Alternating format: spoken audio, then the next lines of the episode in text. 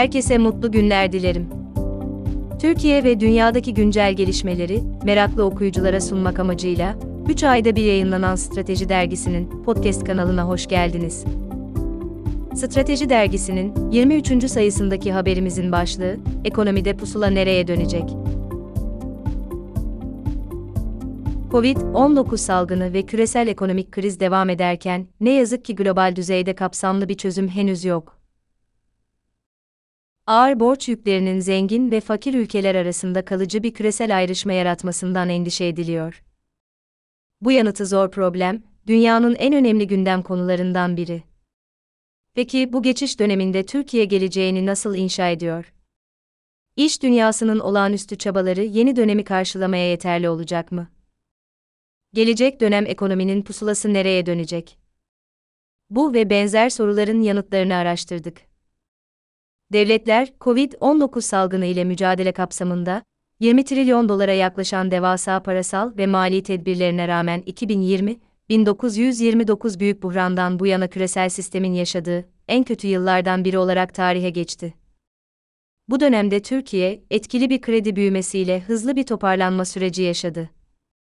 Ancak işsizlik ciddi bir problem olmaya devam ediyor. Aşının bulunmasıyla tünelin ucunda ışık belirdi. Gelinen noktada kontrol dışı durumlara fazlaca odaklanmak yerine, dönüşüm ile birlikte elde edilen yenilikler ve bunların getirdiği faydalara odaklanmak, sürekliliğini sağlamak kritik seviyede önem taşıyor. Türkiye Ekonomi Yönetimi ve Merkez Bankası'nın son zamanlarda attığı adımlar, Türkiye ekonomisinin yeniden istikrara kavuşmasında önemli bir rol oynayacak. 2021 yılında hızlı toparlanma Türkiye, 2021 yılında hızlı toparlanan ekonomilerden biri olmayı başardı. G20 ülkeleri arasında sadece Çin ve Türkiye'nin 2020 yılını büyümeyle kapattığını hatırlatalım. Türkiye'de 2021 yılının ilk çeyreği güçlenen toparlanma sinyalleriyle geçti. Aşılama süresindeki başarılı sonuçlar bu görünümü güçlendiren en önemli konuydu. Kalıcı toparlanmanın sağlandığı bu dönemde öncü göstergeler salgın öncesi dönemin üzerinde seyrediyor. Yine de yakın vadeli ajandada istihdam ve kamu maliyesi sorunları yer alacak. Bunun yanında devam eden destekler ve piyasaların enflasyonist fiyatlamaları zaman zaman karmaşaya yol açıyor. Otoritelere göre desteklere halen ihtiyaç var ve ekonomilerde topyekün iyileşme döneminden uzaktayız. Piyasalar ise para arzı bolluğunun yan etkilerini fiyatlıyor. Özetle aşağı yönlü riskler geçen yıl sonuna kıyasla güçlenmiş ve bir kısmı hayata geçmiş olsa da 2021'in 2020'den daha olumlu geçeceğini söylemek mümkün. Türkiye ikinci çeyrek sonuçları Gayri safi yurt içi hasıla 2021 yılının ikinci çeyreğinde %21,7 oranında büyüme kaydetti. İkinci çeyrekte tarım sektörü %2,3, sanayi sektörü %40,5 ve hizmetler sektörü, inşaat dahil, %20,5 oranında büyüdü. Söz konusu dönemde toplam sabit sermaye yatırımları %20,3 oranında artarken, özel tüketim ve kamu tüketimi harcamaları sırasıyla %22,9 ve %4,2 oranlarında arttı. Net ihracatın büyümeye katkısı ise 6,9 puan oldu.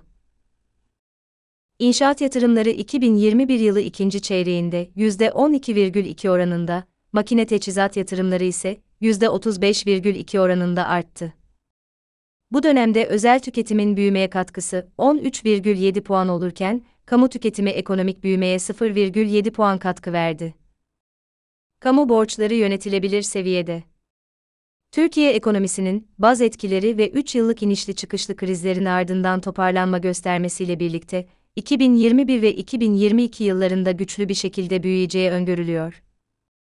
Yüler Hermes kıdemli ekonomisti Manfred Steimer, hesaplamalarımıza göre Türkiye'de 2019'da GSE'nin %33'ü seviyesinde olan kamu borcu, COVID-19 ile birlikte GSE'nin %37'sine yükseldi.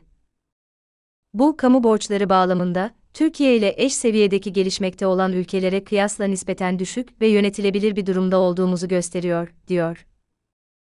Peki, kamu borçlarında Türkiye için orta vadede risk var mı? Yüler Hermes'in hazırladığı kamu borçları sürdürülebilirlik risk skoru tablosuna bakalım. Burada gelişmekte olan 101 ülke bulunuyor. En riskli 20 gelişmekte olan ülke arasında Mısır, Güney Afrika, Hindistan, Brezilya ve Pakistan gösteriliyor. Tabloda en savunmasız olarak işaretlenen ülkelerin, uluslararası borç verenlerden finansal destek arama, borç hafifletme, yeniden yapılandırma girişimlerine başvurma veya kamu borçlarında temerrüde düşme olasılığı yüksek olarak belirtiliyor. Türkiye'nin bu tabloda 30. sırada yer aldığını belirten Steymer, bu, Türkiye'nin önümüzdeki iki yıl içinde temerrüde düşmesini veya kamu borcunu yeniden yapılandırmasını beklemediğimiz anlamına geliyor. Ancak sıralama orta vadeli bir riske de işaret ediyor. Önümüzdeki iki yıla dikkat edilmeli diyor. Çelişki nereden kaynaklanıyor? Ekonomist Mahfi İlmez'in kendi bloğunda kaleme aldığı yazısı, içinde bulunduğumuz durumu çarpıcı bir şekilde ortaya koyuyor.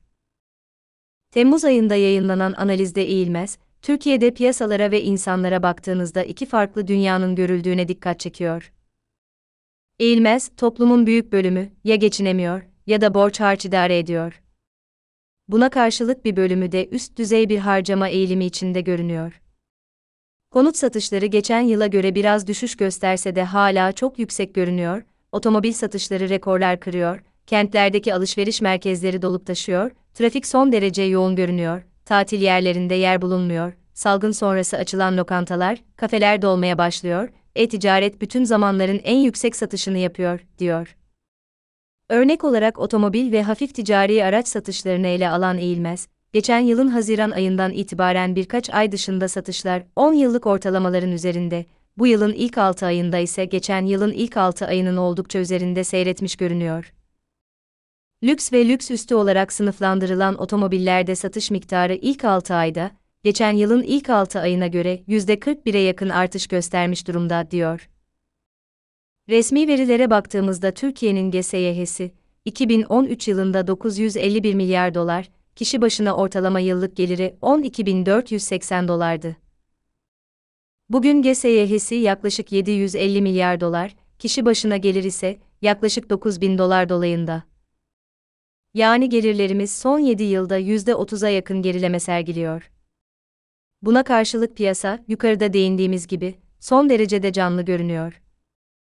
Demek oluyor ki gelirlerimiz düştüğü halde birçok alanda talepte artış var ve ekonomi canlılığını koruyor. Bu çelişkili durum nasıl açıklanabilir? Eğilmez, bu sorunun yanıtını şöyle veriyor. TL'nin yabancı paralara karşı yaşadığı değer kaybı, bir başka deyişle sürekli karşılaştığımız kur artışı, fiyatları artırıyor ve enflasyonun daha da artacağı beklentisi yaratıyor. Bu durumda insanlar fiyatlar daha da artmadan bir an önce elindeki arabayı, beyaz ve kahverengi eşyayı, mobilyayı yenisiyle veya daha iyisiyle değiştirmeye çalışıyor. Hatta daha ileri giderek fiyatlar daha fazla artmadan, dayanıksız tüketim mallarını da stokluyorlar.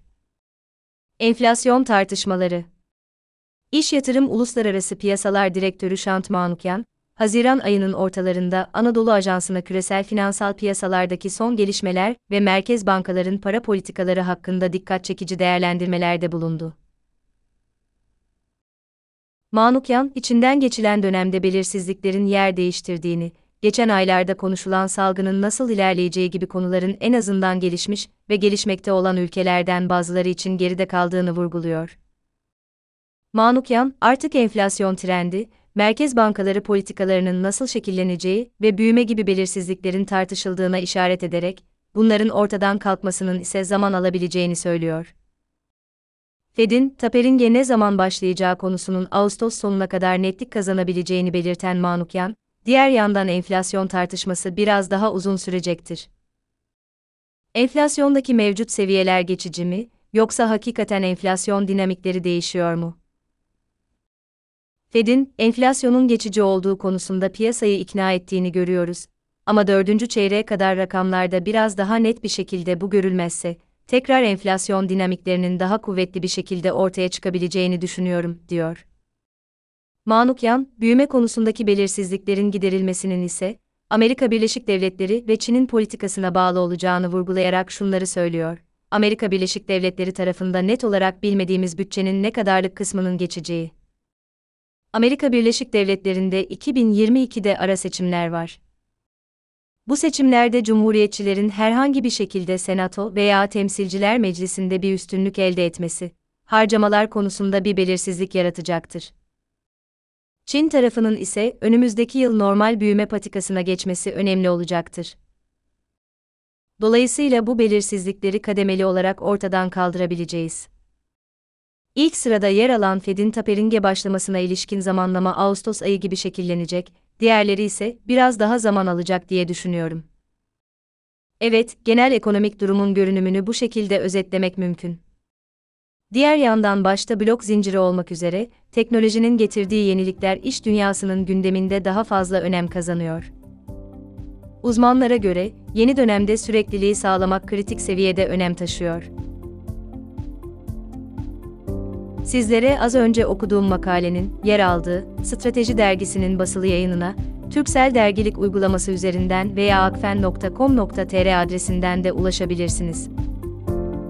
Hepinize sağlıklı günler dilerim.